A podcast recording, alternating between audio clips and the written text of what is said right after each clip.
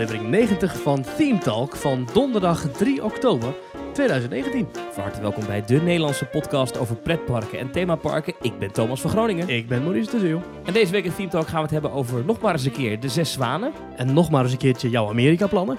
Maxim Moritz komt voorbij en we hebben twee interviews. En er zou zomaar eens een primeur kunnen voorkomen in deze uitzending. Want wellicht ga jij iets kopen Ah! tijdens de opname. Ja, ik vind dat er ook een primeur zit in een van de interviews. Ja, ja. Maar en er zit, allemaal- er ja. zit, ja, en er zit ook nog iets in wat niet een primeur is, maar waarschijnlijk gaan we ook alweer wat voorlezen. Nou, We gaan een, eh, een, Nou, een sprookje voorlezen. Nou, zin in, zin in. Eh, Maurice, eh, maar eerst een hele belangrijke vraag. Ja. Ehm, Oh, vaak geïmiteerd, Mhm. maar desondanks is dit the original. Maurice, wat is jou deze week opgevallen in pretparkland? De haren op mijn rug rezen ten berge. Uitdrukking? De haren op mijn rug rezen ten berge. Toen ik hoorde dat het theater bij Plopsa in eh, de pannen, dat theater verandert de naam naar Proximus. Het Proximus Theater. En dat is een sponsordeal. En dan moet je eigenlijk denken alsof KPN hier in Nederland het Efteling Theater zal omdopen tot het KPN Theater. Ja. We geven het theater met deze verandering een neutralere naam voor externe concerten, musicals en live optredens die buiten de uren van het park plaatsvinden, zegt Plopsa-directeur Steve van der Kerkhof. Anderzijds linken we onze eigen parkshows rechtstreeks aan Proximus, die Studio 100 TV in haar aanbod heeft. Dit, dit is toch bizar? Dat park houdt er een raar sponsorbeleid op na. In het park zelf lopen verkopers rond. Ja. Die vind je in Nederland niet in parken zelf.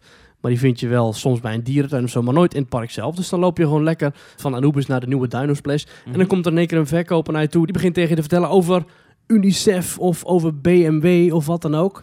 Ja. Dus je wordt lastiggevallen in het park zelf. Vind ik al heel bijzonder. Op de website van Plopsa staan advertenties voor gewoon willekeurige andere bedrijven. Ik weet niet of dat de laatste tijd nog steeds zo is, maar vroeger was dat wel zo. Alsof je gewoon op een nieuwssite aan het kijken bent, hè? of, of themetalk.nl. Staat gewoon Google Ads. en op de Facebookpagina van Plopsa wordt ook gewoon reclame gemaakt voor eh, reisbureaus en eh kinderontbijtgranen en Oh, de ik- meest ik random... het, ja. Ik zit nu op Plopsland te pan. Ik zie dat mijn adblocker inderdaad vier advertenties blokkeert. Even pauzeren op deze site. En dan vernieuwen. Even kijken hoor. Hm, Dat is wel raar, ja. Bijzonder, hè? hè? Ik ga nu even kijken op de officiële Facebookpagina van Plopsaland te Pannen. Hoe kan dit nou? En ik zie, en ik zie als Ja. eerste staan Eneco Family Day. Nou goed, dat gebeurt al vaker, hè? Maar dan staat er hier 22 uur geleden, Plopsaland te Pannen. Alleen maar in love with Switzerland op Heidi the Ride. En dan, dat is een of ander Zwitsers reisbureau dat een of Ja. andere sponsordeal heeft met Plopsa. Maar is het, je- heb je er last van? Nou, ik vind het heel erg opvallend. Ik vind het opvallend dat een, dat een commercieel bedrijf, en laten we wel wezen, alle pretparken die we eigenlijk bespreken zijn in principe allemaal commerciële bedrijven. Er moet ook gewoon geld verdiend worden. Maar dat is een commercieel bedrijven. Dat klopt, maar dat een bedrijf zo achterlijk ver gaat, het aanpassen van de naam van een attractie in je park, Ja. het volzetten van je officiële Facebookpagina met eh, meer dan 65.000 likes, vol met eh, eh, spam voor andere bedrijven. Het laten rondlopen van verkopers in je park. Ik vind dat er wel heel erg opvallend en bijzonder. En, en dat zie je toch nergens anders. Ik ben wel afgelopen winter naar Burgers Zoo geweest. ja. En daar stonden bijvoorbeeld verkopers van de loterij. Die stonden voor de ingangspoort. Dat was natuurlijk ook in samenwerking met die dierentuin. Maar dat was dan nog buiten het park. Maar die lopen ook gewoon in het park rond. Wat, wat is dit? Hoezo? Ah, Oké, ik vind de straatverkopers, daar heb ik wel moeite mee. Maar ik bedoel, een beetje sponsoring, ja, ik vind het niet zo erg hoor. Een beetje sponsoring. Maar weet je nog hoe Over de... sponsoring gesproken. Deze podcast wordt mede mogelijk gemaakt door... In love with Switzerland. ben jij ook in love with Switzerland? Jazeker.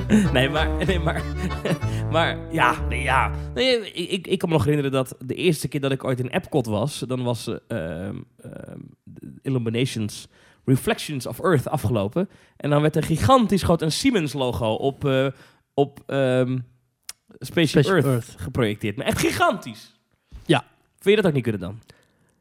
Nou, nou, het zo zegt, vind ik dat eigenlijk ook niet echt kunnen. Ah, dat- ja, maar eh, eh, vroeger, ik weet niet of het nog zo is, want hij is al, ik weet niet hoe lang dicht, dus ik kan me de laatste keer niet herinneren. Maar eh, in de Disneyland Railroad in Parijs was het powered by McDonald's. Ja, dat klopt, ja. En Ja. ik geloof dat Indiana Jones was powered bij Esso. En je hebt natuurlijk nog steeds Osram, de Ja, lampenfabrikant, ja, die sponsort. die eh, liggen, die liggen, Small World. ja, die lampen liggen ook in de Discovery Arcade. Als je in Disneyland Parijs bent, liggen daar ook lampen en logo's van Osram. Maar wat vind je dan van WNF bij Pandadroom? Dat vind ik ook te ver gaan. Oké. Het gaat weg, neem ik aan, toch? Eh, met de Ja, WNF gaat eruit met de komst van Fabula. Ja, ja. Maar ik vind... Nu, nu staat Gaston van de Postcode Loterij daar. Die, Ja, precies, die panda die daar staat, die, die pop, dat wordt Gaston. Ja, precies. En iedere als mensen eruit komen, dan zeggen ja.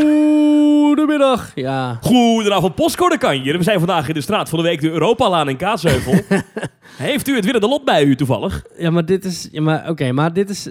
Dat vind ik allemaal nog niet zo ver gaan als het laten rondlopen van verkopers in je park. Het volspammen van je eigen website plus Facebookpagina... plus het aanpassen van een attractie of theater in je park. Ja. Ik vind dat echt wel heel erg ver gaan. Goed. Sorry. Het, het laat zien dat, dat Plopsa echt bereid is om zijn ziel te verkopen voor geld. Ja, oké. Ik vind het, in, wat je zegt inderdaad op de Facebookpagina zo. Ik, ik zou dat als merk ook niet doen. Denk, Het zijn toch een paar grijpstuivers voor zo'n bedrijf? Ja, Is dat... dat is het. Het is een miljoenenbedrijf, weet je. Studio 100, heb je die, die paar euro nou nodig?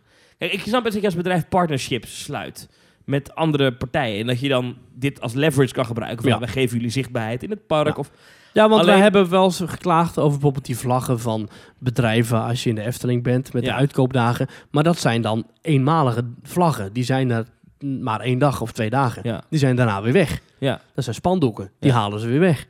Dit is nu gewoon de komende nou ja, jaren in ieder geval waarschijnlijk blijvend de naam van het Plopsa Theater. En Unox in de Efteling?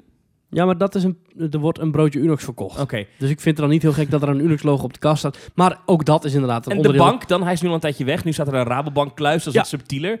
Maar die bank vroeger van ABN... Ja, of het, nou, de, de kluis heeft ook het Rabobank logo. Dus ja, dat, dat klopt. Maar kijk, je kunt bij die bank kun je pinnen. En kun je geld pinnen bij een Rabobank. En dat vind ik niet heel gek als daar dan een Rabobank of een ABN logo op staat. Ja. Ik vind het wel heel erg raar dat het voormalige Plopsa Theater in één keer wordt omgebouwd tot, of tenminste wordt hernoemd tot het Proximus Theater. Ja. Weet je wel, het, het, is, het zoekt overal de grens op. Elke Ja. vorm van sponsoring of uitkoop zoekt een bepaalde grens op. Maar ik vind doorgaans dat park in Nederland zich daar helemaal niet ernstig mee gedragen. Maar Plopsa, vind ik, gaat echt ver die grens over. Ja. Het duurt denk ik niet lang meer dadelijk voordat in de zomershow van Samson Gert en ik keer eh, Samson zegt van... Mozeg, Gert, heb jij nog pedigree-brokken voor mij? Weet je wel? Ja. Hij zegt, ja, ja, Samson, maar die ga ik eerst aanlengen met Evian water. Want Evian water is ook voor honden het beste water. Ik zit even te kijken, want echt, echt een naamwijziging van een gebouw of attractie, dat ken ik nog niet echt qua sponsoring. Eén voorbeeld heb ik wel. Ehm, Test Track in Epcot Ja. heeft echt officieel de naam Test Track Presented by Chevrolet. Ja, en je hebt toch ook eh, Blue Fire, powered by Gazprom in Europa Park. Ja, maar eh, als ik even kijk naar de site van, als ik naar de site van Europa Park ga, Dat is volgens ze, mij de officiële naam. noemen ze de achtbaan ook echt voluit Volgens mij wel. oh, Volgens mij moet je zeggen, ik ga nu naar Blue Fire, powered by Gazprom. Ik zou het mooi vinden als alle, als alle medewerkers dat dan ook altijd zo blijven doen. Dus eh, de wachttijd voor Ja. Bluefire, powered by Gazprom, is nu zes minuten. Ben, je, Ja. al, ben je al in alle attracties geweest? Oh, ben je al hierin geweest en hierin? Oh, Ja. en ben je al in Bluefire, powered by Gazprom geweest? Of een It's a Small World, powered by Osram.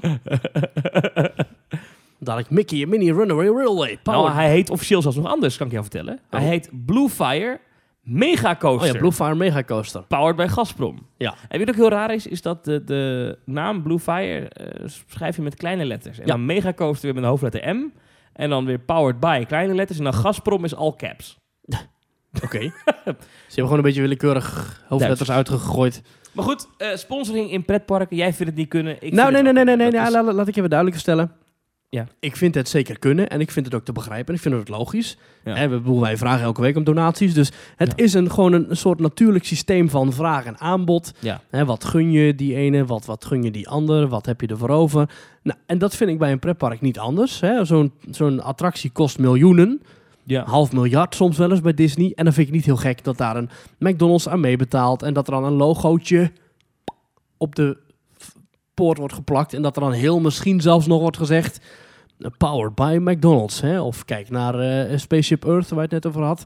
Als die rit is afgelopen, dan zeggen ze... We invite you now to enjoy the future with us and Siemens. Of zoiets. Mhm. Dat, dat, dat, dat vind ik dan zelfs nog wel enigszins bij de beleving horen of zo. En nou goed, Walt Disney was er zelf ook niet vies van. ja. Die, eh, ik heb in de Jim Hill podcast gehoord dat die op de, die heeft ook gewoon echt allerlei bedrijven gevraagd van... Goh, hè, ga voor vijf of tien jaar een sponsorship met ons aan. Dus dat is niet nieuw. Nee. Oké. En dat vind ik ook te accepteren. Maar ik vind het wel heel ver gaan als, wat ik zeg, als een, een Plopsa Theater gewoon van de leuke, vrolijke parknaam in één keer verandert in een commerciële naam. En als er eh, straatverkopers rondlopen in het park. En nogmaals, als de website van het park vol staat met Google Ads. Dat levert toch maar een paar tientjes op per dag. Of, of niet. Ja. Nou, laat het, laat het, al levert het 500 euro of 1000 euro per dag, die advertenties. Hm. Dat is dus blijkbaar de ziel die Plopsa eh, bereid is te verkopen voor een paar grijpstuivers. toch denk ik dat er ergens ook wel mogelijkheden zijn. Want heel veel van dit soort sponsoring... Ik vind eigenlijk Blue Fire is een uitzondering.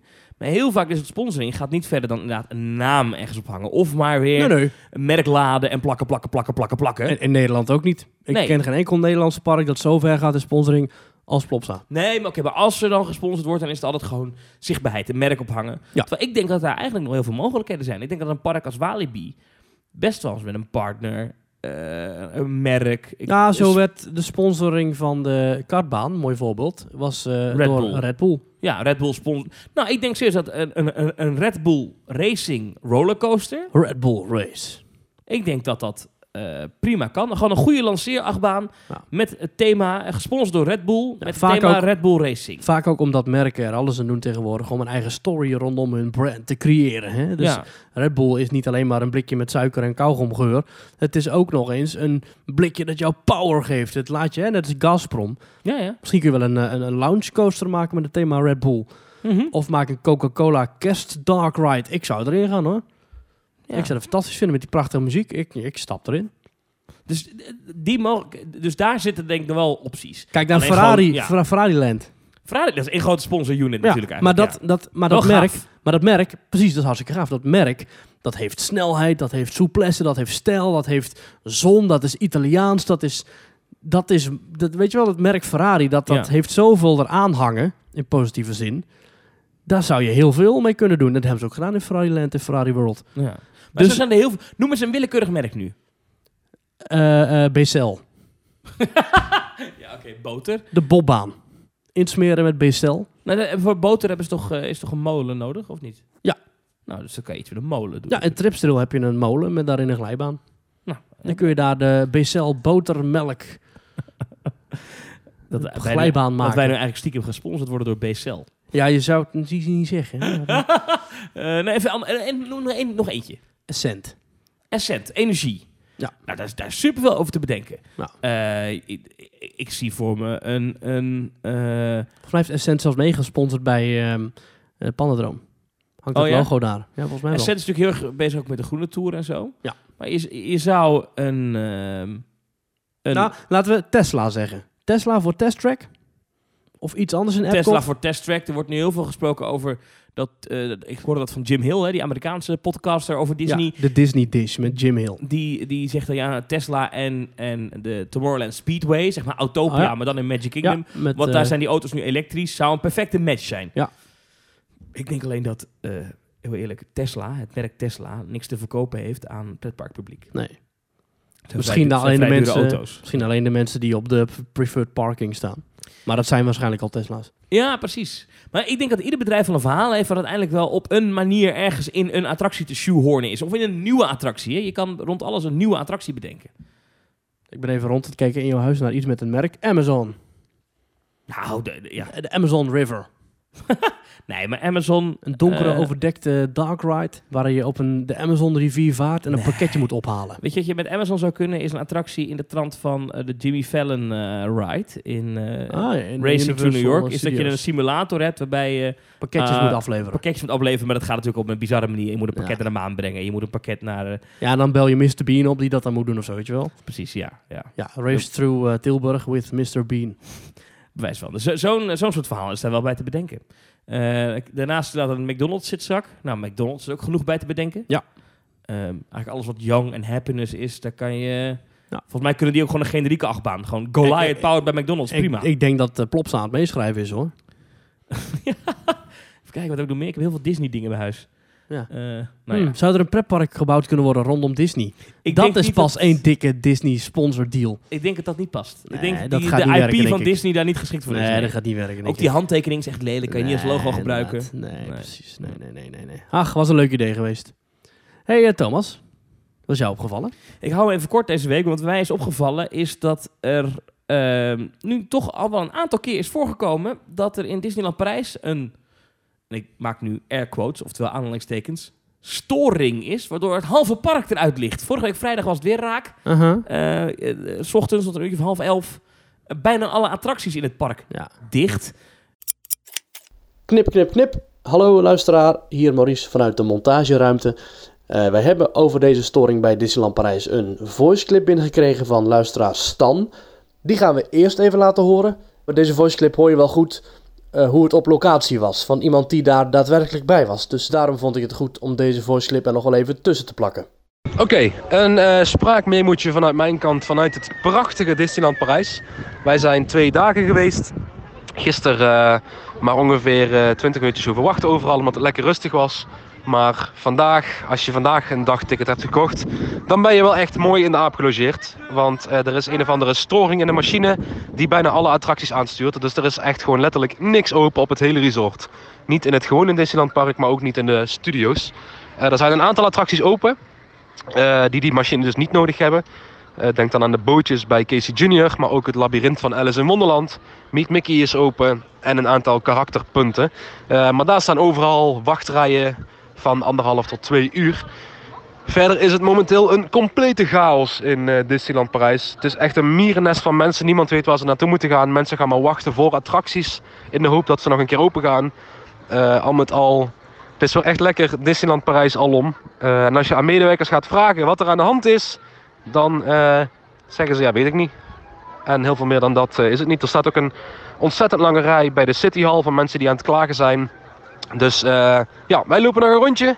We gaan nog even op de foto met een karakter, want er is toch niet meer om te doen. Doei doei! Dankjewel Stan voor de voiceclip. En dan gaan we nu weer terug naar Thomas en ikzelf die hierover doorgaan. ED92, de, eh, de fan Twitter account, die had het erover dat het te maken had met een luchtdruksysteem dat door heel veel attracties gebruikt wordt. Ja. Ik weet niet wat dat dan is. Nou, ik kan het wel tot op zekere hoogte uitleggen, want ik snap het een beetje. Ja. Kijk, je hebt te maken met perslucht. En met perslucht kun je heel veel dingen doen. Je kunt animatronics laten bewegen. Je kunt allerlei elektrische dingen laten bewegen via perslucht. Voor perslucht heb je eh, compressors nodig. Ja. En die moeten dus eh, heel, hard, heel hard lucht pompen. En zo. Nou, bij de Efteling, bijvoorbeeld, Fatum Ghana, al die poppen werken op luchtdruk. Ja. De compressor van de Efteling zit niet bij Fatum Ghana, maar ergens anders in het park. Maar vanuit dat centrale compressorgedeelte worden eigenlijk alle eh, lucht nodig hebbende eh, zaken in het park. Krijgen hun, hun luchtdruk vanuit die ene tank. En zo zijn er heel veel andere dingen in de Efteling die bewegen met luchtdruk. Ja. en vanuit- één compressor. Eén compressor, ja, één mega. En die is heel de dag door is die lucht aan het geven aan allerlei componenten in de Efteling. Oh, dat Nou, dat, niet. dat zal bij Disneyland Parijs niet anders zijn. Oh. En natuurlijk moet je dus voor zorgen dat zo'n zo'n zo'n zo'n tank, dat die, zo'n compressor, dat die altijd goed blijft werken. Dat Ja. dat altijd werkt. Dus je moet goed onderhoud plegen. Je moet zorgen dat, dat je, je moet zorgen dat je misschien backup systemen hebt. Ga je, de ga je nou Disneyland weer even de rest lezen? Ja. Nou, dat hoef ik niet te doen, want dat doet ze, dat ze zelf al. Interessant zeg, dat wist ik niet. Dus ehm, het zou zomaar eens kunnen zijn, en ik ga zeker niks impliceren, Maar maar het zou zomaar eens kunnen zijn dat er misschien heel slecht is gelet, heel slecht onderhoud is gepleegd, met de Franse slag is gezorgd voor Ja. dat luchtdruksysteem. Dat zou zomaar kunnen. Kan ook, ja, het kan ook iets anders zijn, ook knagende ratten of weet ik veel, of roest of whatever. In ieder geval, dat ging kapot en het halve park lag eruit. Twee en een half uur lang, vrijwel alle attracties ja, waren dicht. de meet and greets en alle dingen, eh, ja, eigenlijk wat niet bewoog, eh, was open. Eh, maar er was ook heel veel horeca dicht, gek genoeg. Ja, maar dat al- Philharmagic? het is altijd horeca dicht in Disneylandprijs. Het is Disneylandprijs. Ik begrijp dat Philharmagic en Phantom Manor wel open waren. Oké, oh Phantom dat vind ik bijzonder. Ja, Die die, zou zeggen dat die eh, poppen ook op luchtdruk werken. misschien hebben die dan toch een eigen compressortje liggen. Dat zou kunnen. Eh, maar inderdaad, ja, Space Mountain, Pirates, Buzz Lightyear, Star Tours. Je ziet dan beelden van het hele centrale plein bij de ingang. Helemaal vol met mensen die willen Ja. klagen Ja. bij eh, City Hall. Dat snap ik dan ook weer niet zo goed, want wat heeft dat dan nog voor zin om aan te gaan klagen? Nou, Maar dat komt ook omdat het officiële Disneyland Parijs help-account op Twitter, DLP Help, Ja, is vrolijk mensen aan het doorsturen van... Oh, I'm so sorry to hear that.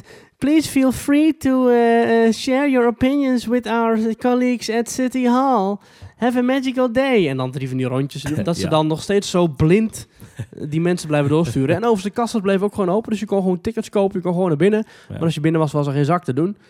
Behalve dan eh, klagen om dichte attracties. Maurice. Eh, het- overigens was dat niet de laatste storing, hè? Want je had nog meer storingen. Je had misschien Nou- nog willen hebben over die pinstoring. Nou, dat wil ik zeggen. Er zijn dus een aantal storingen. Dit is al een keer eerder voorgekomen. We hebben ook al een keer eh, dips in het stroomnetwerk van Disneyland Parijs gezien. Dat er dus ja, het hele park, alle attracties ontruimd moeten worden. Ja, omdat de, Dat stroom jij nog, goed eh, heb jij nog Eh, meegemaakt? Heb ik meegemaakt, zat ik in Phantom Manor. Ja. Vond ik wel gaaf, want we hebben heel lang echt in het donker gezeten. Ja. Ehm, toen, daarna ging de noodverlichting aan, werden we daaruit geëvacueerd. Want toen kwamen we in een park terecht. Ja. Ik denk een uurtje of vijf 's middags. Eh, nou, misschien iets later, maar zo rond etenstijd. Ehm, en alles was dicht. Er was geen enkele attractie open, want alles had storing, want er was gewoon een stroomuitval geweest Ja. van een kwartier.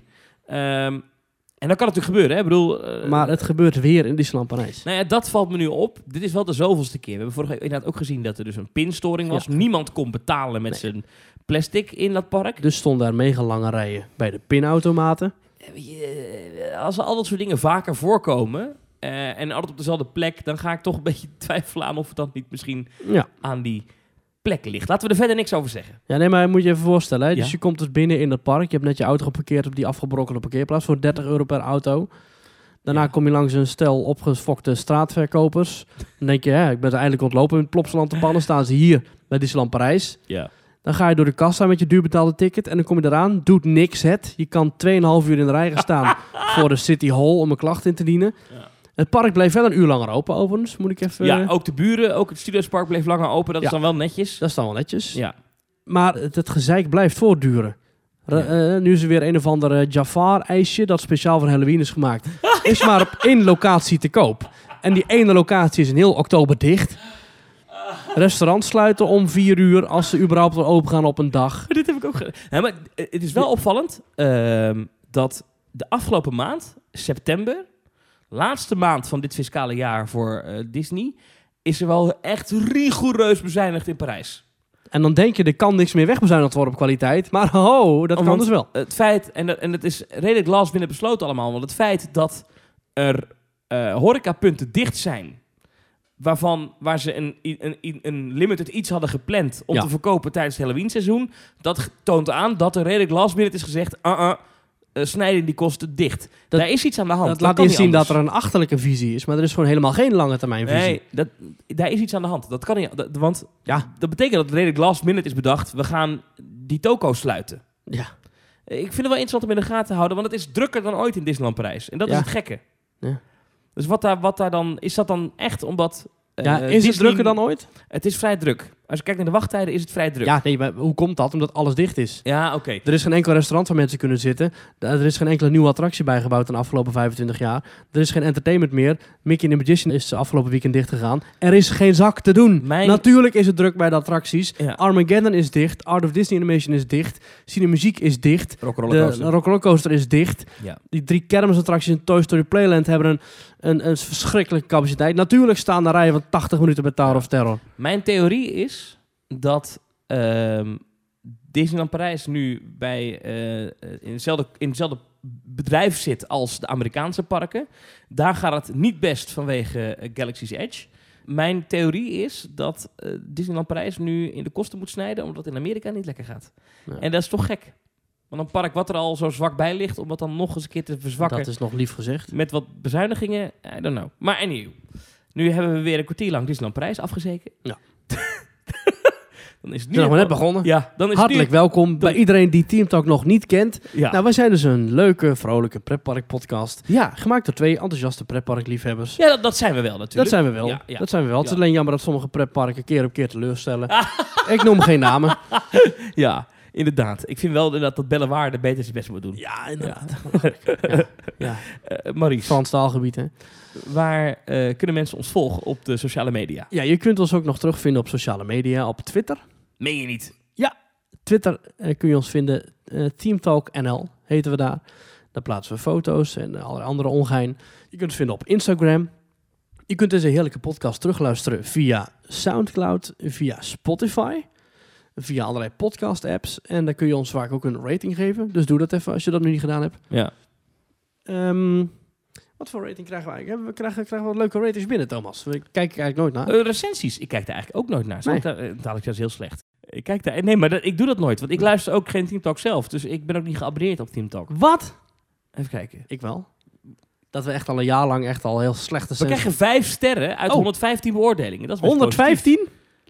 115? Eh, ja, 115 beoordelingen. Oh, dankjewel allemaal. En er zit een, een enkeling die heeft een 1 ster gegeven.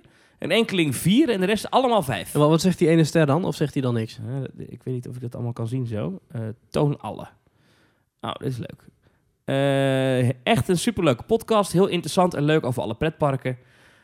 Prettige, persoonlijke, actuele, inhoudelijke podcast. Met een randje. Heerlijk om naar te luisteren. Top jongens, gaan zo door. Leuk dat, dat is niet die gozer die één ster geeft, of wel? Nee, nee, nee. Of die- die Eh, meid. Ik weet niet, de één de één ster. Ja, dat heb ik al eens gelezen. Oh, hier hebben we de één ster. Jullie zijn anti-Disneyland Parijs, Oh, terwijl het een erg leuk park is. En Amerikanen zijn een andere soort volk dan in Europa. Ik hou niet van zo gemaakte smijl of te slijmerig overkomen. nou dan ben je inderdaad zeker welkom in Disneyland Parijs, want er wordt niet naar gelachen. Hou jullie mening over Disneyland Parijs, maar voor jullie. Oh, Nou, dan is dat niet de podcast voor jou. ik heb Eh, dus volgens mij wel eens een keer daarop gereageerd dat ik zei, ja oké, maar mijn microfoon staat vol me. Dus als ik mijn mening vol me hou, dan... Eh, goed. Nou, hey, eh, tof. Hey, dat wist ik serieus niet. 115 eh, recensies. Dankjewel. Dat Ja. vind ik echt leuk. Dankjewel. Ehm, Dankjewel. Er zijn nog andere manieren waarop je ons een hart onder de riem kunt steken. Of iets letterlijker een, een eurotje in de zak kunt steken. Je kunt ons namelijk via themetalk.nl slash doneren een donatie sturen. Ja, eh, zo kunnen wij uit de kosten komen. Eh, er is een donatie binnengekomen van Jens Harmsen. Die zegt, beste Thomas en Maurice. Hierbij een kleine donatie van mij. Ik luister drie keer per dag een podcast. Oh. Om het reizen van en naar mijn school wat leuker te maken. Kleine vraag. Bij welk park is de horeca het best? En bij welk park is de horeca het goedkoopst? En bij welke het duurst? Ik hoor het graag in de podcast. Groetjes, Jens Harmsen. De horeca het best is in 3, 2, 1. Europa Europa Park. Park. ja, Europa Park is eh, zonder twijfel, denk ik, eh, ja, ik wil zeggen in deze regionen, maar dat is niet echt. Maar eh, als je gaat kijken naar de, er zijn verschillende dingen waarop Nou, je kunt ja, ik, ik, ik nuanceer zo even, maar Ja, als je even kijkt naar, naar bijvoorbeeld eh, eh, divers, eh, eh, hoe divers het aanbod is. Als je kijkt hoe makkelijk het te bereiken is. En als je kijkt naar de prijzen, vind ik alle drie dat Europa Park echt fenomenaal bovenaan de top staat. Er zijn wel andere pretparken met lekker eten. Efteling heeft lekker eten, vind ik. Eh, Toverland heeft lekker eten. Maar daar is, het, daar is het maar op één locatie. Of daar heb je maar één bedieningsrestaurant. Of dat, weet je wel, dat, dat schort, Ja. mis- schort eraan. Maar Europa Park is in de hotels, in het park zelf. eh groots, g- divers, eh, heerlijk. Europa Park, Ja. Ik fantastisch. vind het ook heel fijn dat je dat door het park heen overal eh, eten kan krijgen. Ja. En dat het overal ook wel een bepaalde kwaliteit haalt. Ja. Eh, en dat, dat is inderdaad best wel knap. En ook eh, niet makkelijk, denk ik. Ik denk dat ze daar... Nee, eh, ik denk dat er echt kolonnes van vrachtwagens elke ochtend Ja. staan eh, te, te leveren. eh, ja. Een ander park wat ik toch even wil noemen qua goede horeca, of in ieder geval echt goed eten, kan je in Epcot. Ja. Eh, in Walt Disney World. Ja. Eh, daar hebben ze natuurlijk echt hele goede restaurants. Het zijn vaak externe bedrijven hè, die daar dan een restaurant mogen uitbouwen. Ook in Epcot zelf. In Epcot, jazeker. De, ja. eh, er zitten echt chef-koks die erin zitten. Ja, dat wel. Dat is overigens ook de reden, even een kleine zijstap, dat er nu een tijdelijke vuurwerkshow is daar. Mhm. Disney heeft eigenlijk dat meer nodig nu om te verbouwen naar Harmonious, de nieuwe grote avondshow die daar komt. ja. Alleen de mensen die daar de horeca pachten, die betalen daar heel veel geld voor om laten zitten. Die willen ook dat er iedere avond gewoon een vuurwerkshow is. Ja. Dus daarom hebben ze nu een soort van tijdelijke, eh, Ja, vage show erin ge- ingeduwd. Oh, zodat die goed. Ja. ehm horeca-uitbaters niet gaan klagen. Maar ehm, ehm, dat, dat is, denk ik, dat zijn wel de beste, ja. ja, Jens, je hebt ons nu even wakker gemaakt. Dus het over horeca gaat hebben. Ik vind Fantasieland wil ik ook nog even aanstippen. Fantasieland heb je heerlijk van die eh, chocolade aardbeien en zo. Van die lekkere, van die churros met, met chocola en van die andere lekkere dingetjes. ja. En fantastisch schepijs. Je moet voor de grap eens een keertje in het Fantasieland, eh, als je de Alt-Berlinstraat inloopt, heb je Mhm. links daarvan, heb je bij eh, de uitgang van Maus en Chocola, heb je fantastisch schepijs, overigens ook bij Chapas, met, met Kinder Bueno smaak en eh, een bepaalde karamel smaak. En ja, heerlijk. En het ziet er ook fantastisch uit, echt een lust voor het oog. ja. En wat je bij Fantasieland ook hebt, zijn de hotels met ook een heerlijk buffet bij zowel Matamba als Lingbao. Ja, fantastisch. Ja, ik zit even te bedenken, maar hij vraagt ook waar is de horeca het goedkoopst? Goedkoopst. Ja, je hebt in Drouwen Zand. Ja, ik wou zeggen. Ja. Daar eh, ga je naar binnen voor, geloof ik, een tientje per persoon. Die kun je heel de dag onbeperkt gratis friet en frikandellen en soep en eh, broodjes eten. Maar misschien is dat niet het antwoord dat je zoekt. Drouwen Goedkope kost horeca. 14,50. Oh. Ehm, Ja, dat is buiten het 76. hoogseizoen. In het hoogseizoen 15,50. En daar zit inderdaad onbeperkt eten bij. Halloween hebben ze daar ook. Tot en met 23 oktober 16 euro per persoon. En dat is inderdaad met eh, onbeperkt eh, vers fruit, belegde broodjes, friet, snacks, verse dagsoep, koffie, thee, limonade en softijs. Nou, ik ga misschien wat gek zeggen, maar weet je welk park ik de horeca nog altijd best wel goedkoop vind? Nou, De Efteling. Valt er inderdaad best mee. De ik vind de Efteling best wel, duur. heeft Ja. best wel eh, sympathieke prijzen. IJsjes af en toe voor 1,50 of zo, of broodjes voor 1 of 2 euro. Ja, nee, dat zijn geen Albert Heijn prijzen, maar het zijn wel Albert Heijn to-go prijzen. En die vind je in pretpark toch niet vaak terug. Eh, Efteling valt inderdaad qua prijs wel mee. Ik vind alleen het Ja. aanbod in de Efteling. Hmm. Ja, daarom. En, Ja. en daarom zeg ik dus ook bijvoorbeeld dat Europark daar op dat gebied ook voorbij streeft. Maar ehm, goedkoop, ja, goedkoop. Ik Nou ja, vind- Drouwen Zand dus. Ja, Drouwende Zand. Ja. En, En waar is duurst, het duurst? Nou, Bobby Aland. wil ik toch even Walt Disney World weer aanhalen. Want Ja. daar zijn eh, vandaag, op de dag dat wij dat opnemen, weer resort-wide allerlei prijzen verhoogd. Echt waar? Een bucket popcorn, ja. een sou- souvenir bucket, kost jou nu, en er zit echt niet veel popcorn in, 12 dollar.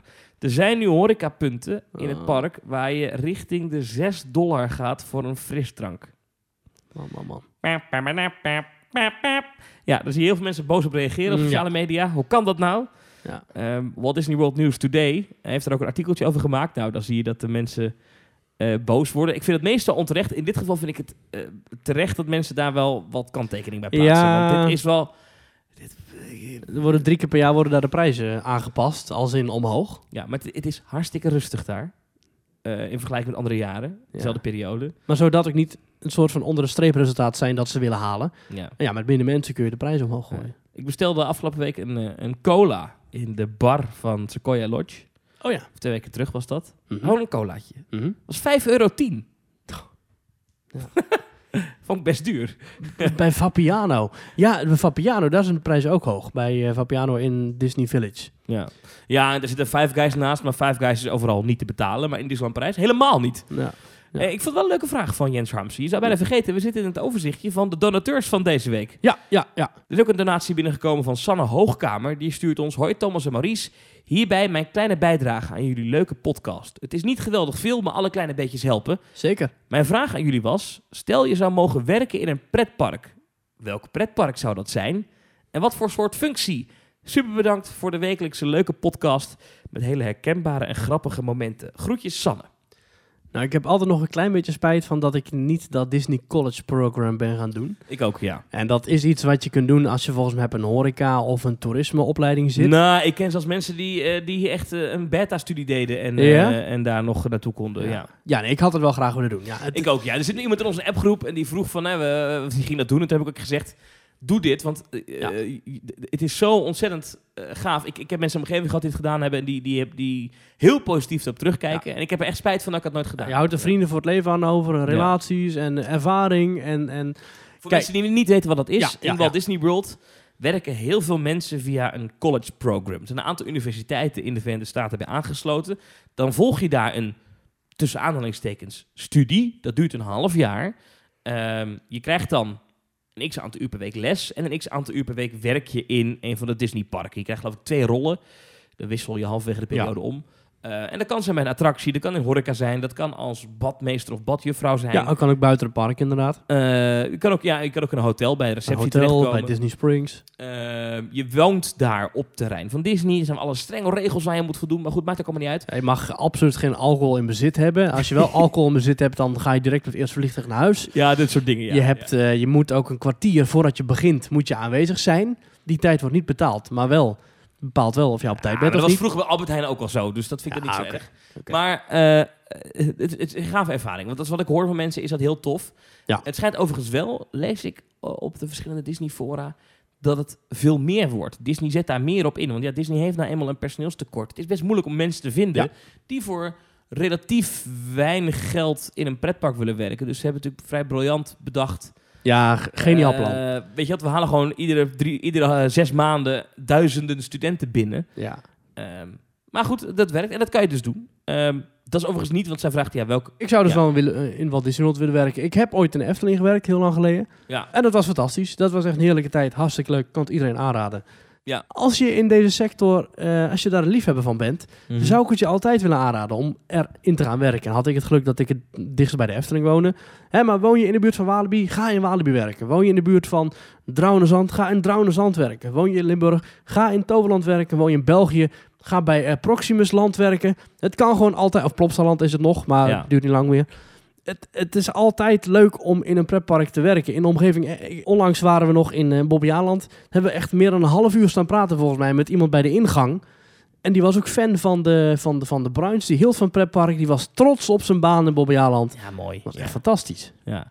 Dat, dat, dat is wel iets wat je Disney na moet geven. Daar werken heel veel mensen die echt passie hebben voor dat merk en Ja. dat bedrijf. Eh, op de la- op, van in alle functies. Ja, je zou kunnen zeggen dat Disney daar een beetje misbruik van maakt. Maar je krijgt wel een Mm, ja. officieel Disney-diploma. Ja, sommige ja. mensen doen het alleen maar om hun droom waar te maken. Ja, toch? Ja, en dat weet Mickey. En daar Ja. maakt hij goed gebruik van. Als je aan mij vraagt eh, in welke functie ik zou willen werken, ik zou wel willen werken als hoofd van een R&D of Imagineering afdeling. Dus ik, kan zelf, ik ben zelf geen Imagineer, dat heb ik al, eh, dat kan ik niet, denk ik.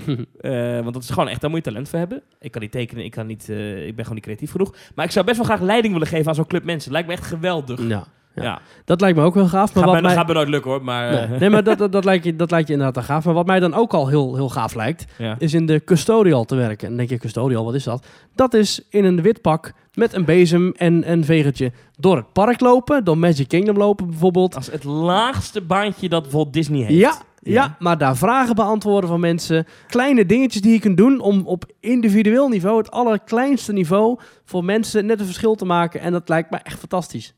Dat je lekker in de zon loopt. Ja, je moet vuilnisbakken vervangen. Ja, je moet eh, kots opruimen. Maar je loopt wel in de Magic Kingdom. En je bent daar wel een onderdeel Ja. van een prachtig team. Je loopt lekker buiten. Het lijkt mij, dat lijkt me nou echt fantastisch. Ja, dat lijkt jou fantastisch. Totdat voor een half jaar. Ja, ik wou zeggen, totdat je na 90 uur per week gewerkt hebt en dan op de 24 van- de maand Ja. 600 gulden gestort krijgt. Ja. Dan denk je er anders over.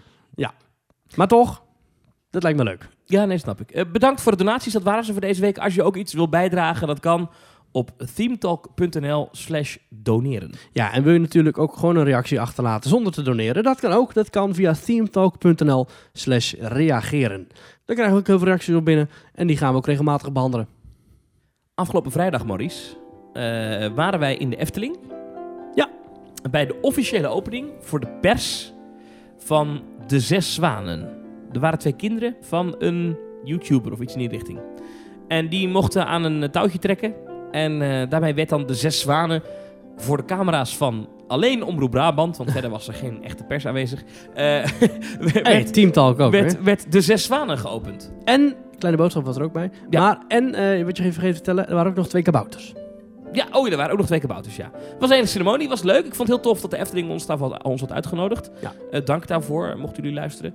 Ehm, en toen heb ik dus de zes zwanen even met eigen ogen Want jij had hem nog niet gezien, hè? Nee, ik had het nog niet gezien. En ik, was, ik heb het ook getweet. Ik vind het echt heel mooi. En ik vind het echt heel goed ontworpen. Ik vind het verhaal niet zo boeiend eigenlijk. Nee.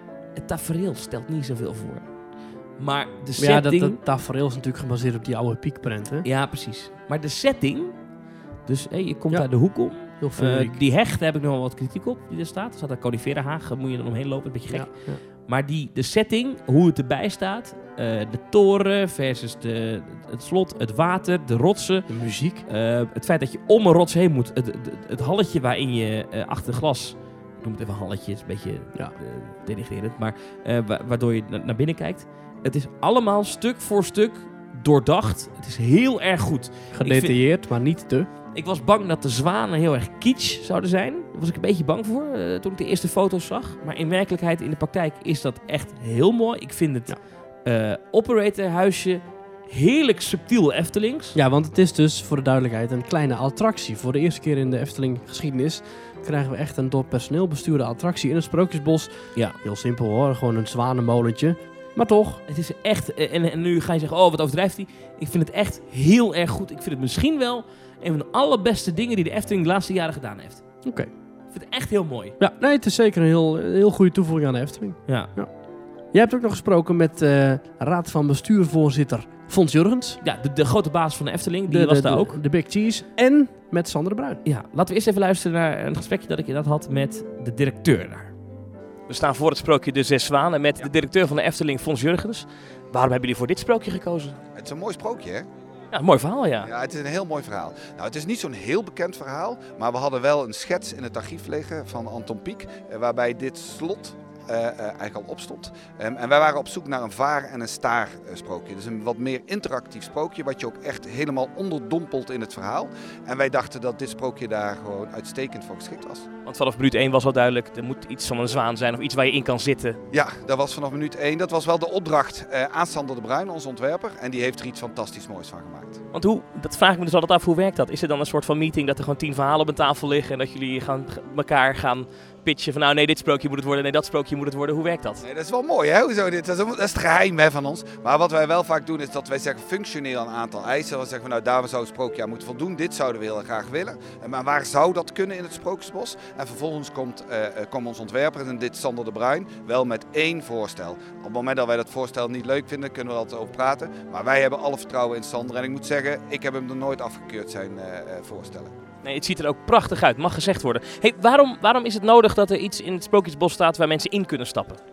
Nou, eh, wat je vaak ziet is wel dat kinderen zijn veel gewend dat er dingen gebeuren. Dus dat interactieve gebeuren. Je ziet ook kinderen van een paar jaar al voor de tv waar ze gaan zitten swipen. Nou, en die tv die swipe niet zo hard mee. Hè? Die zijn de iPad gewend. Nou, wij willen wel graag ook dat onze sprookjes iets meer meebewegen in het verhaal. En het leuke is ook wel dat je het verhaal dan nog beter kan vertellen. In plaats van dat je alleen maar moet horen. Dus dat je gewoon meerdere zaken hebt waardoor je het verhaal nog beter kan eh, overbrengen. Dus dat is ook waarschijnlijk de toekomst van Sprookjesbos. Iets meer interactiviteit. Nou, wat mij betreft wel.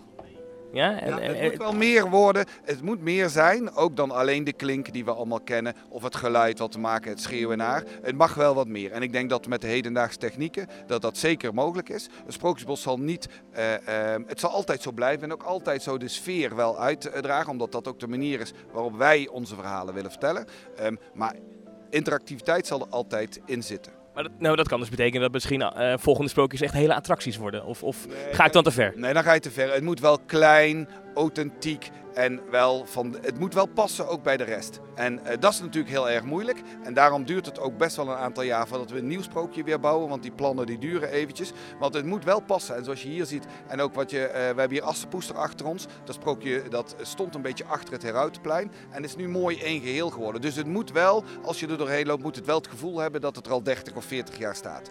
Dus, dus een grote attractie zal zeker nooit verrijzen in het Sprookjesbos. Dat is een goede garantie om, ik denk dat veel fans blij mee zijn dat ze dat horen. Even de nieuwe plannen voor het volgende sprookje liggen er al? Of ga ik dan ook weer een stap te ver? Eh, nee, nou er liggen zeker een heleboel eh, plannen. En eh, ik ben altijd heel groot fan van het kleine lelijke eendje. Dus ik hoop dat die eh het volgende sprookje zal gaan worden. U heeft het wel druk trouwens, want er komt nog een eh, nieuwe film aan in eh, Pandadroom, een nieuwe, een nieuwe achtbaan. Ik, ik, ik zit even terug te rekenen. Ik kan me niet herinneren dat er een seizoen in de Efteling was waarop er zoveel nieuws open ging. Nee, we hebben het eh, inderdaad eh, druk en we, met het onderhouden van het park. Wij willen heel graag dat de Efteling over 100 jaar ook nog bestaat. En dan moeten we zorgen dat attracties bij de tijd blijven, dat we nieuwe dingen doen. Eh, nou, het sprookje is nieuw. Eh Pandadroom wordt eh, vernieuwd en die krijgt inderdaad een mooie nieuwe eh, film. Eh, goed, en Max en Moritz komt er ook al aan. Dus ja, drukke tijden in, in de Efteling. Nou, succes daarmee. Dankjewel. Ja, tof. Leuk interview. Ja. ja, weet je wat wel lastig is? is je, hebt dan, eh, je staat daar dan bij de persopening van De Zes Zwanen met de directeur van de Efteling. Ik, ik, ik heb duizend vragen die ik wil stellen aan de directie van de Efteling. Alleen ik dacht, het is niet gepast om dat hier te doen. We hebben het hier over De Zes Zwanen. Ik moet het wel even over De Zes Zwanen hebben, toch? Ja. Ja, zeker. Ja, eh, maar ik vond dat hij wel een paar leuke dingen zei. En ook, eh, ik vond het wel interessant dat ze ehm, de opdracht eh, voordat de Zes Zwanen er kwam echt was... er moet een attractie, of een, ja, een, een, nou niet een attractie, maar er moet iets komen wat, wat interactief is. Waar mensen aan mee kunnen doen, Ja. in kunnen stappen of wat dan ook. Ja, verder dan de deurklinkjes en de... Ja, ja. Ja, en, dat- en dat vind ik wel interessant dat dat... Dat zal ongetwijfeld uit een onderzoek zijn gebleken. Dat kan haast niet anders. Dat mensen dat dat nodig is. Ja, ik vond de vergelijking die je maakte wel grappig. Dat kinderen nu allemaal aan het swipen zijn op tv's. Omdat ze veel meer verwachten dan puur en alleen hetgeen wat ze al kennen. In die gedachtegang is dit wel heel logisch dat ze inderdaad een, een complete attractie erbij bouwen. Ja, ik ben benieuwd wat dit betekent voor de toekomst Ja. van dit soort eh, elementen in de Efteling. En dan denk ik niet alleen aan het Sprookjesbos, maar ik denk ook even aan het Spookslot. Eh, de toekomst van het Spookslot. Ja. I don't know, hè. Eh, is misschien ook niet echt meer interactief genoeg. Kijk, het Sprookjesbos, moet natuurlijk, de, de klassiekers van het Sprookjesbos kan je niet aan tornen. Ik denk dat je aan het, aan het Spookslot misschien wel wat kan doen. Volk van Laaf. Nou, maar het betekent dus eigenlijk wel dat simpel staan en kijken en doorlopen, is er waarschijnlijk niet meer bij. Nee, nee, nee. Ehm, en ja, ik vroeg hem toch even naar het volgende sprookje. Ja. En eh, overigens, kudo's aan degene die deze man gemediatraind heeft. Want hij, eh, hij is goed in het ontwijken van vragen. Maar dan komt hij met het lelijke eentje aanzetten. Dat heeft hij al eens een keer eerder gezegd in een interview. Ja. Niet de eerste keer dat ik het hoor. Wat bedoelt hij daar mee? Ja, het zal zijn, zijn favoriet zijn. Weet je wat zijn favoriete Efteling-attractie is? Nou, Ook die van mij namelijk. Villa Volta. Villa Volta. Ja. Dat vind ik wel tof. Oké, maar Dus hij kiest denk ik altijd een beetje voor de underdog. En nou, het Lelijke lelijke jongen eentje is altijd ja. een beetje de underdog. want het verhaal van Lelijke Jonge Eentje, kan je dat nog even eh, voor mij neerzetten? Ja, het gaat... eh, nou, weet je wat? Dat kan ik wel voorlezen. Want Oh, het daar lelijke we. eentje, ja, dat, hoort, dat hoort toch voorgelezen te worden. Het is immers een sprookje. Ja, start de muziek. Ja, dit verhaal komt van deleukstesprookjes.nl. En het is geschreven door Hans Christian Andersen. Die kennen we ook van bijvoorbeeld Het Meisje met de Zwavelstokjes en de Chinese Nachtegaal. En het, eh, de, de kleine zeemermin. Een klein zeemermin, rode Ja. schoentjes, exact. En een Deen, hè? Deen. hoedli, hoedli. Ja, dat klopt, ja. Oké. het sprookje van het lelijke jonge eendje. Van deleukstesprookjes.nl Een eend heeft een nestje eieren. Een van de eieren wil maar niet uitkomen. Op het moment dat het toch uitkomt, blijkt het eendje heel erg lelijk te zijn. Toch blijft moeder eend van het eendje houden. Gedurende het leven van het eendje loopt het steeds tegen afwijzing en onbegrip aan. Het eendje begint steeds meer aan zichzelf te twijfelen en denkt niet dat het ooit nog goed zal komen. Toch zijn er mensen die het goed met het eendje voor hebben. Zoals de boer die het lelijke eendje redt als het in de winter vast komt te zitten in het ijs. Een aantal jaren gaan voorbij en dan komt het eendje opeens een groep heel mooie witte vogels tegen. Het zijn zwanen en ze zijn op trektocht naar het zuiden. Het eendje kan niet vliegen en blijft achter. Nadat de winter voorbij is, ziet het eendje nog drie zwanen en zwemt naar ze toe. Ervan uitgaand dat ze weer wordt afgewezen, buigt het lelijke eendje haar hoofd. Dan ziet ze in het water haar spiegelbeeld. Het blijkt dat het eendje geen eendje is, maar een zwaan en dat ze er opeens uitziet als een echte zwaan. De zwaan wordt er verlegen van en kan nog niet trots zijn, maar toch wordt gezegd dat deze zwaan de mooiste is die er ooit is geweest. Nou, dat is toch leuk? Nou, toch een zwaan. Hoe kan je hier een sprookje van maken? Moeten we dit echt in het sprookjesbos verwachten? Of, eh, Ja, ik weet niet. Je zou er een heel simpel loersprookje van kunnen maken. Dus Ja. gewoon een vijvertje waar wat eentjes rondzwemmen en dan eh, Ja. weer Wietike opbellen. Of ze het verhaal even vertelt. ja. Ja, kan. Ja, Ik vind het zo gek dat, dat hij denkt na over ieder antwoord dat hij geeft. En dan, en dan, dan, dan dropt hij dit, dit, dit, zo hier zo direct in, ja precies. Ja, misschien is, is dat juist bewust om ons. Om een beetje een op verkeerd verkeerde te toer te zetten. Ja. Ik heb nog iemand gesproken, want eh, de ontwerper Sander de Bruin, eh, die stond daar gewoon. Had eh, zichzelf in een strak pak gehesen. ja, met een, met een, met een hoe heet zo'n ding? Een aster erop. Een Ja. bloem. Dat Ja. is in het sprookje, de aster. Ah, oh, oh. Nou. Aardige kerel trouwens. Wist je dat hij helemaal geen podcast luisterde? Ik Nee. wist dat niet. Ik vroeg het aan hem en toen zei hij van ja, ik luister alleen maar wielren-podcast.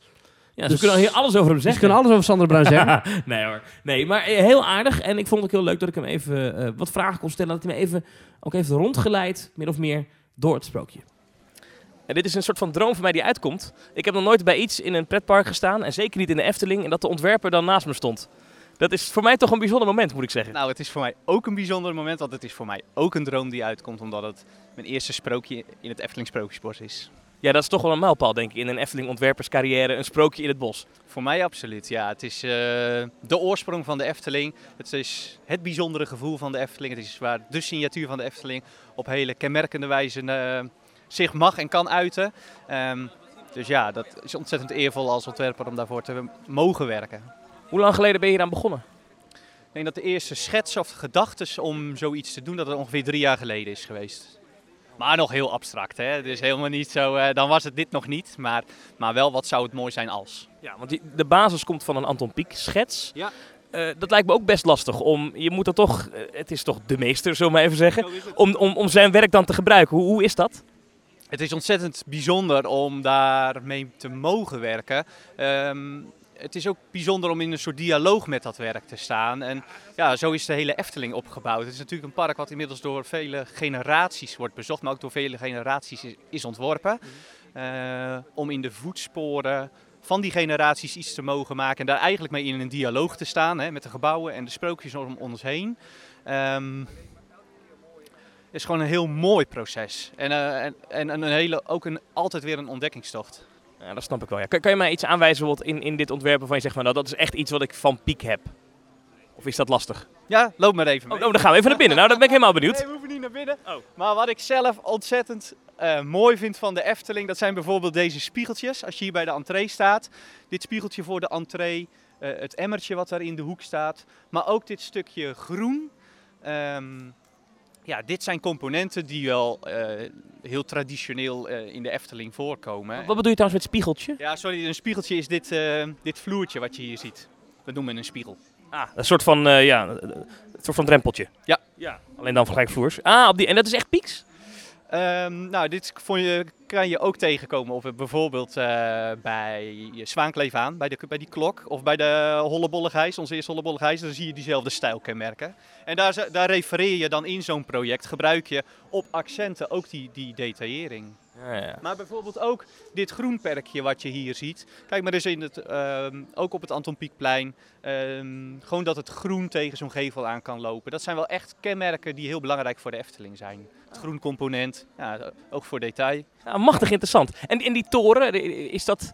Als je, hoe lang hoe lang werk zit er in het ontwerpen van zo'n toren? Toren is ontzettend belangrijk geweest, omdat de toren en het slot zelf ook natuurlijk een identiteit draagt. En je wil een, uniek zijn in je silhouet.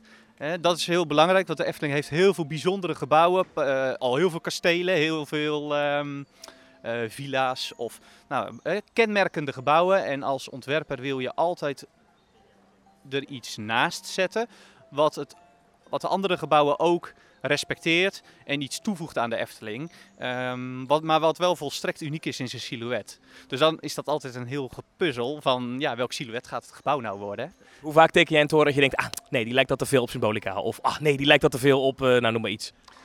Ja, ja, dat gebeurt best vaak. Weet je, gewoon de hele balans van, van een gebouw. En zeker met schaal, en zeker met deze schaal, wat, wat, wat natuurlijk vrij verfijnd is.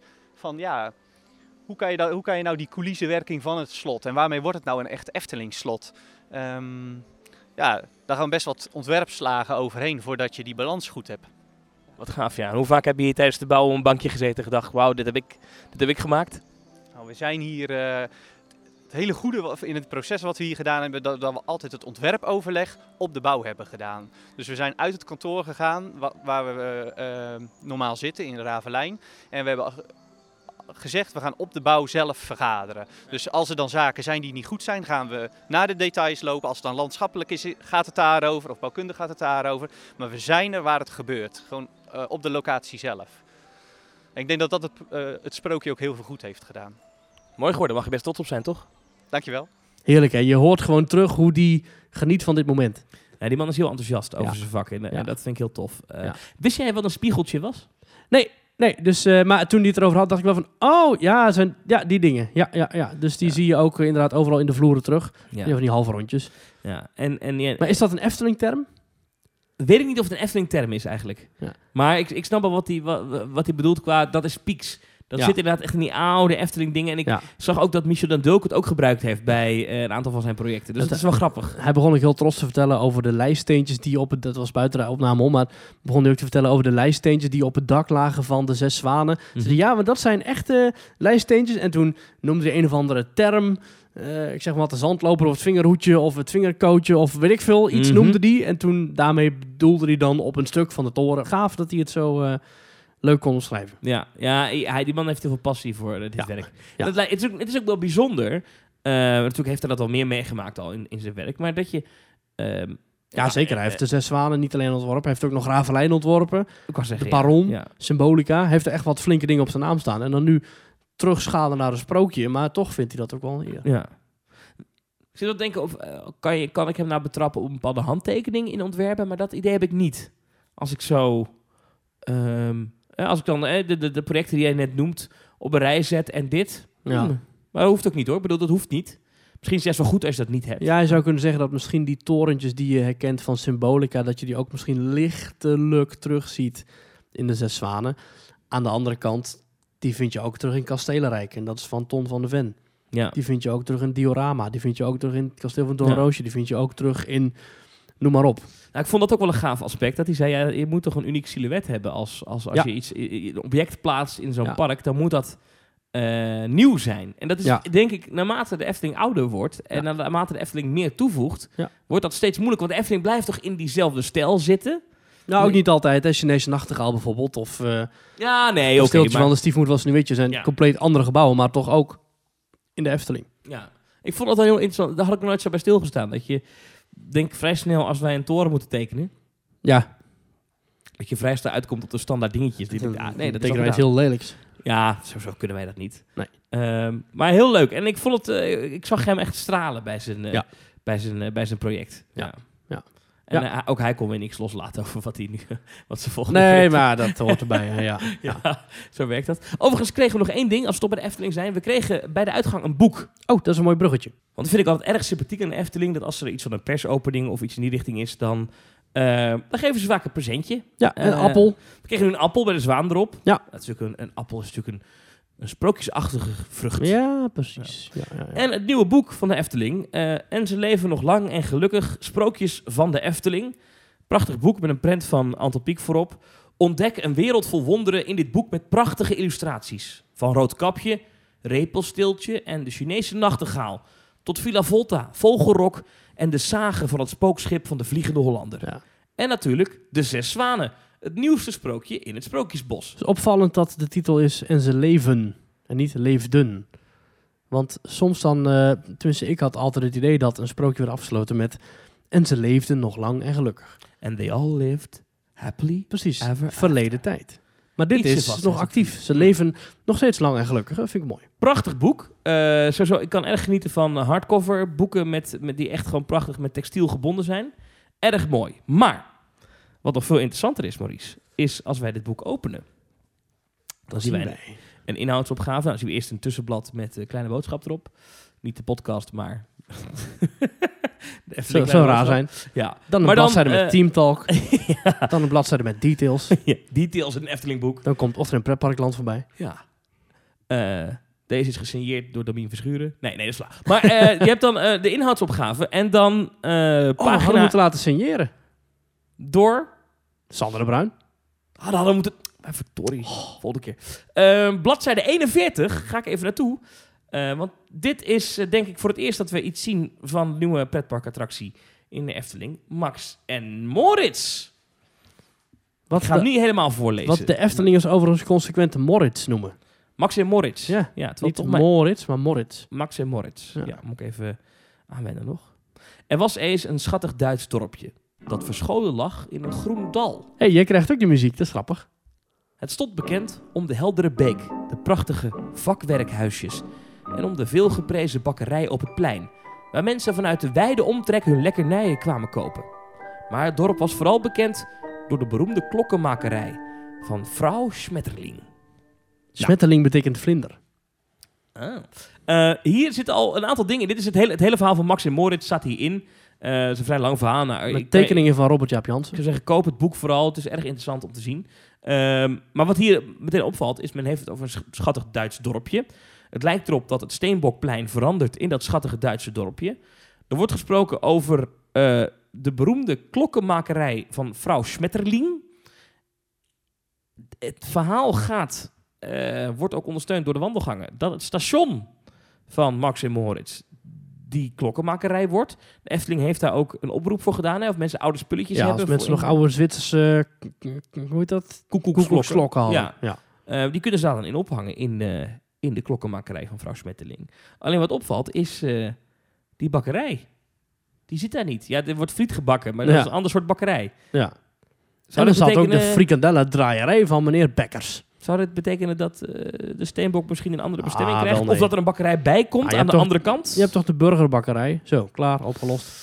Ehm, maar goed, mevrouw Smetteling staat erop. Die deed mij een beetje denken aan die mevrouw uit... eh, hoe heet ze ook weer? Europa Park? Madame Freudenreich. Ja, daar deed ze me een beetje aan denken. Dat is die mevrouw met die dinosaurussen. Ja. Ehm, nou, het wordt een heel verhaal van Max en Moritz. Ga ik niet helemaal, helemaal voorlezen of helemaal vertellen. Maar Max en Moritz zelf, want dat hadden ik dacht, nou oké, leuk. Ze hebben mevrouw Smetteling erin gezet. Nou, ik vroeg de bladzijde om. Bladzijde 42, tekst. Bladzijde 43 is een eh, gebraden kip in een pan te zien. dacht ik, nou oké. Maar toen maakte mijn hart een hoepeltje. Toen ik naar bladzijde 44 ging, zag ik een pijp. maar toen zag ik ook al voorzichtig wat blauwe handen en groene handen die eh, op de bladzijde zijn gedrukt. Dat zien we ook terug in de huisstijl van Max en Ja. Moritz. Op die mooie bouwschuttingen. Maar dan, bladzijde 46 van het boek En ze leven nog lang en gelukkig. Zien wij daar? Max en Moritz. En dan zien wij eh, dat ze eh, meedoen aan een zeepkistenrace. Max in een treintje met een eh, vogel voorop. En eh, Moritz in een treintje met een, ook een vogel voorop en dan met een, met een ton. Ehm, de een heeft een, een ontstopper voorop. En Max heeft een kuif à la tan- Tante Sidonia. En Moritz heeft een hele dikke kop. Of is het andersom? Ik weet eigenlijk niet wie Ik Max vind en het wie een redelijk is, modern ding, zo'n ontstopper. ja. Nou, misschien hadden ze dat toen ook al. Maar we zien dus voor het eerst hoe de figuren eruit komen te zien. We hebben ze ook even getweet. Als je naar ThemeTalkNL gaat, dan zie je de foto van deze bladzijde. Eh, en dan zien we hoe Max en Moritz eruit komen te zien. En dan weten we ook eigenlijk al meteen dat de attractie straks als verhaal krijgt... dat wij met z'n allen... Zeepkistenrace. Wij doen met z'n allen mee aan die zeepkistenrace. Ja. Ik vind het leuk. Ik vind dat wel een leuk verhaal. Ik ben benieuwd hoe ze me dit verhaal gaan vertellen. Doet Efteling wel vaker, hè? Gewoon een bekend gegeven pakken, een bekend verhaal. Bijvoorbeeld de Vliegende Hollander en daar een eigen interpretatie van gebruiken voor het, voor het park. de laatste paar regels van het verhaal. Want we hebben het ooit als eerder in eh Team Talk gehad over Max en Moritz. Het originele Duitse verhaal. Dan loopt het niet best af met de twee broers. Nee, ze komen in een oven aan een einde, geloof ik. Ja, ik lees even de laatste paar zinnen voor van het verhaal. Wat gingen we hard, hè? gluurde Moritz. Opa zou trots op ons zijn. Zijn broer knikte. Nou en of. En we hebben niet eens een streek uitgehaald. Inderdaad, nu jullie het zeggen, riep moeder opeens. Denken jullie daar eens aan? Zonder streek kan het ook goed gaan. Maar de volgende komt er toch weer aan, lachte Max. De twee broers haalden nog heel veel streken uit, maar draaiden ook weer dagelijks opa's mooie klok op. En voor zolang het zou duren, leefden ze heel gelukkig. Ah, Dus de Efteling heeft er wel een iets liever sprookje van gemaakt. ja, En precies. dan doe ik het boek zo dicht. Gaat de kast in. Ehm, Max en Moritz. Ik heb eh, door deze prent iets meer vertrouwen ingekregen in dit project. Oh, ik heb nog steeds heel veel vertrouwen in de achtbaan. ja. Eh, Wat ik al zeg, eh, als het budget niet naar de bouwschuttingen gaat, dan gaat het dus naar het... ja. eh, ja, maar die, die bouwschutting en die huisstijl en dat logo, dat heeft Ja. toch een beetje mij op het verkeerde pad gezet. Dacht ik, ai, dit, dit wordt een Toy Story Playland-achtig Bobbejaanland okidoki. ja, beetje qua jongensstreek. Ja, maar dit, eh, eh, deze prent ziet er goed uit. En het verhaal leest ook lekker weg. Het is een Ja. leuk verhaal. Ik kan het zeker aanraden. Eh, en ze leven nog lang en gelukkig. Ja. Sowieso een leuk collectors item. Ook een leuk cadeau. Als je Mhm. nog kinderen in de buurt hebt die jarig zijn. Even naar de Efteling op en neer. Ja. Even dit boek halen. 30 Is euro. 30 euro. Dat is op zich eh, niet goedkoop, maar ook niet heel duur. Daar Je kun je krijgt geen korting op. je, eh, kun je je abonnement. auto voor parkeren bij Disneyland Parijs. Precies. Je krijgt geen korting op met je abonnement. Want het is een boek. Dus in Nederland hebben we vaste boekenprijzen. Maar het is, het is eh, een leuk, leuk boekie. Ja. Even aanprijzen. Ja. En dus, en vind ik ook wel tof. Ik weet niet of de Efteling het door had. Dat ze met de uitgave van dit boek... eh, Een primeur ook weghalen. een primeur weggaven rondom Max en Moritz. Maar ja, dat denk ik wel. dat zullen we wel geweten hebben, toch? Ja. Ehm, ik had iets beloofd aan het begin van deze podcast. ja, want over 30 euro en geld en kopen gesproken. Ja. Jij gaat eh, overmorgen Ja, rondlopen in... eh, nou, dat is niet waar. Je vliegt vrijdag. ja dat is... Als, als, je, als je dit hoort, is het overmorgen. Ja. Loop jij in Animal Kingdom ging je geloof ik beginnen, hè? Ik begin inderdaad zaterdag in Animal Kingdom. Ja, dan had je bij Expedition Everest had je de, de eerste fastpass, geloof ik. Dus dat is een, eh, Prima, toch? een heerlijke binnenkomer voor je Orlando-trip. Je derde trip nu met je Walt Disney World abonnement. En je wil in januari nog een keer gaan voor Rise of the Resistance. Ja, wel een beetje snel, hè? Ja, goed ja. Dat is toch leuk? Als je dat toch leuk vindt. Ik had eerder gevraagd, moet ik nou een abonnement op Universal nemen? Eh, dat ga ik niet doen, denk ik. Nee, toch Nee, maar niet. maar, maar ik heb ook gevraagd of ik nou naar Mickey's Not So Scary Halloween Party moest gaan. En daar zei iedereen op, ja, dat moet je doen. Dat is gaaf. Eh, dat is een avondfeestje. Dus ik ga die kopen, even tickets daarvoor. Ja. Maar ik heb helemaal niet gekeken, dus ik weet helemaal niet hoe dit werkt. Maar ik Weet je wel dus... hoe duur het is? Nee, ook niet. Oh. Dus het ga ik nu eh, allemaal... eh, ja, ik dacht, dat is misschien leuk, omdat... Oké, oké, oké. Dus je weet nog niet hoe duur het is. Hoe, hoeveel ben jij bereid te betalen voor zo'n Mickey's Scary Halloween?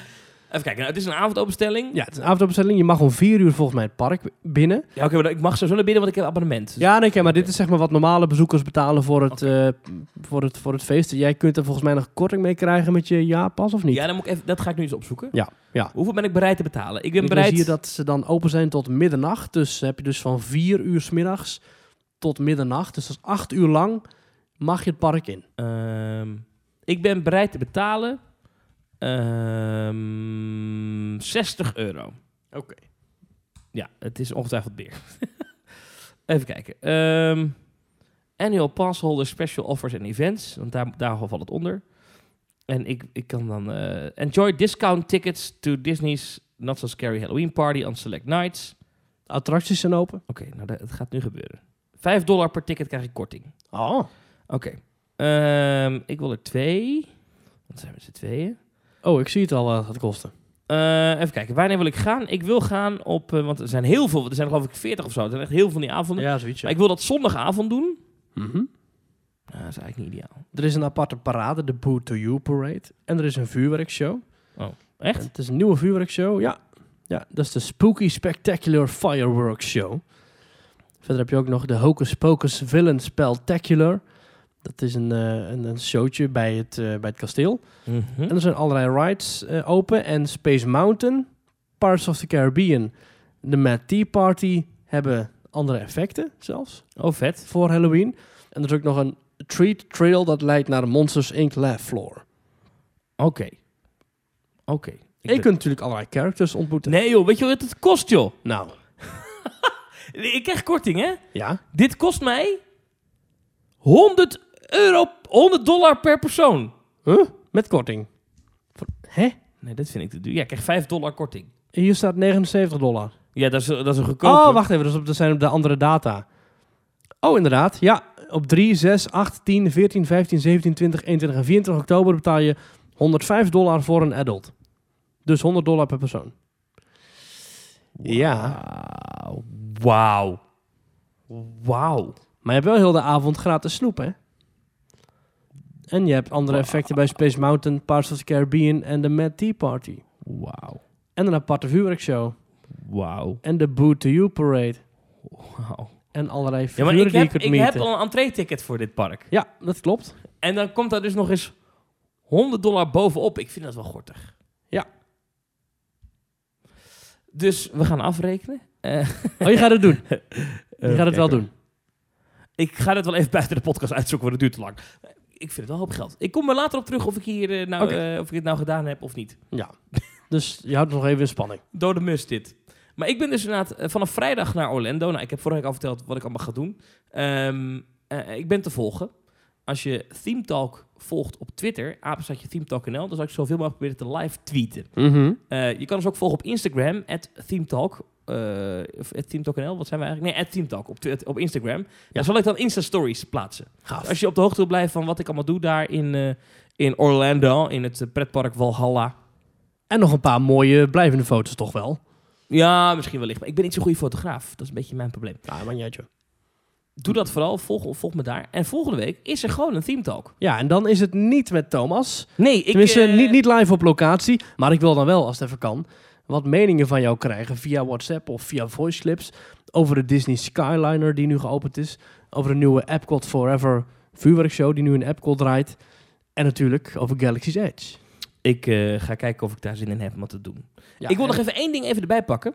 Oh. Ehm, er was al een attractie rond Rembrandt in Nederland. Daar hebben we Oh, dat tijd was- een paar keer over ja. gehad. Ja, iemand heeft ons een reactie gestuurd via themetalk.nl slash reageren. Ja, wel meer mensen, maar we gaan even nog één, eh, één follow-up doen. Van Rick stuurt ons dat. In Duinrel was er een theateranimatronic show. Rick stuurt dat. Met een levens... Over, over Duinrail. Ja. Oké, ga door. Hij heet oh, rick.dekikker.gmail.com. Huh? Nee, nee, dat is flauw. Nee, maar eh, Rick heet deze jongen. En die, die zegt, eh, ehm, eh, ja, er bestond dus al een Rembrandt-attractie. Het was een theater-animatronic show met een levensgroot nageschilderde nachtwacht. Als ik het me goed kon herinneren, legde Rick de Kikker en een voice-over de nachtwacht op een Willem Wever-achtige manier uit met behulp van lasermapping op het doek. Oh, die waren er vroeg bij. Er is weinig meer over te vinden, maar ik vond het toen de tijd als klein jochie heel verrassend en indrukwekkend. Zou nu een topattractie zijn in een willekeurig museum. Hmm. En Misschien staat er nog ergens achter eh, de schermen. Ja, wel Rick de. Kikkers eh, nachtwacht. Hmm. Nou, tof. Hey, maar de muziek klinkt al, dus ik denk dat jij je koffers verder moet gaan inpakken. Ja, En eh, ik zou zeggen, voor deze week was dat het voor Team Talk. Volgende week zijn we er weer. Dan niet met Thomas, maar dan ben ik met iemand anders. Iemand die je ooit al wel een keer gehoord hebt in de podcast. En eh, die hoor je volgende week. Wie is de presentator? Eh, als, je Dat was een hint. als je vragen hebt aan ons, leuke opmerkingen, dingen die we kunnen bespreken. De winter komt eraan, dus we hebben heel veel dingen nodig. Heel wat dode momenten. onderwerpen nodig. Teamtalk.nl slash reageren kan je onderwerpen aandragen. Dingen Oh ja. die je wil weten. Ik zie bijvoorbeeld een hele leuke vraag die we nog gaan beantwoorden ergens in de komende afleveringen. Over hoe het toch kan dat achtbanen soms wat minder soepel worden. En, en weet je wat er ook aankomt? Nou, De honderdste aflevering van Team Talk. meer daarover later. Ja. Dankjewel voor het luisteren. Dankjewel Thomas voor het eh, gezellige uurtje weer. Ik zou zeggen, heel veel succes met inpakken. We Oh, dat zitten komt hier helemaal goed. te- We zitten hier ook tot onze knieën in de zwembroeken en de t-shirts. Theeslippers. dus dat komt helemaal goed. Tot, over twee weken. tot over twee weken, Thomas. En alle luisteraars, tot volgende week.